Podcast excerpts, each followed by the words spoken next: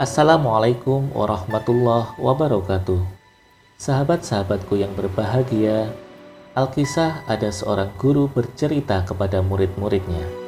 Wahai murid-muridku, ketahuilah bahwa dalam setiap diri manusia itu terdapat dua ekor serigala yang berwarna hitam dan putih.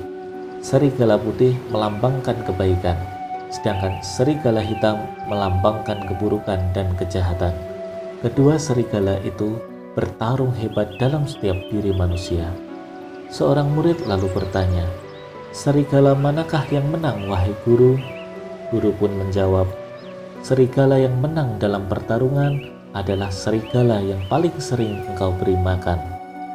Sahabat-sahabatku yang berbahagia, dari kisah tersebut kita dapat mengambil hikmah bahwa kebaikan dan kejahatan akan selalu bertarung dalam diri kita untuk menguasai diri kita. Siapa yang akan menang? Tentu serigala yang paling sering kita beri makan.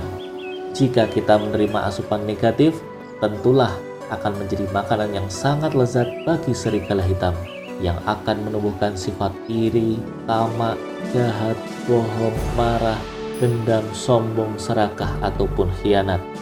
Tapi sebaliknya, bila kita beri asupan positif diri kita, maka serigala putihlah yang akan berkembang lebih kuat dan memunculkan sifat-sifat positif, cinta, kasih sayang, dermawan, sabar, ikhlas, rendah hati, jujur maupun amanah. Sahabatku yang berbahagia, pertarungan dua serigala dalam diri manusia hakikatnya kembali kepada diri kita. Mari kita selalu berupaya untuk tidak salah pelihara. Kurangi asupan negatif, perbanyak asupan positif agar nilai positif terpancar dari diri kita. Saya Fakih Latif, sang pencerita hikayat, tebar semangat untuk Indonesia yang bermartabat.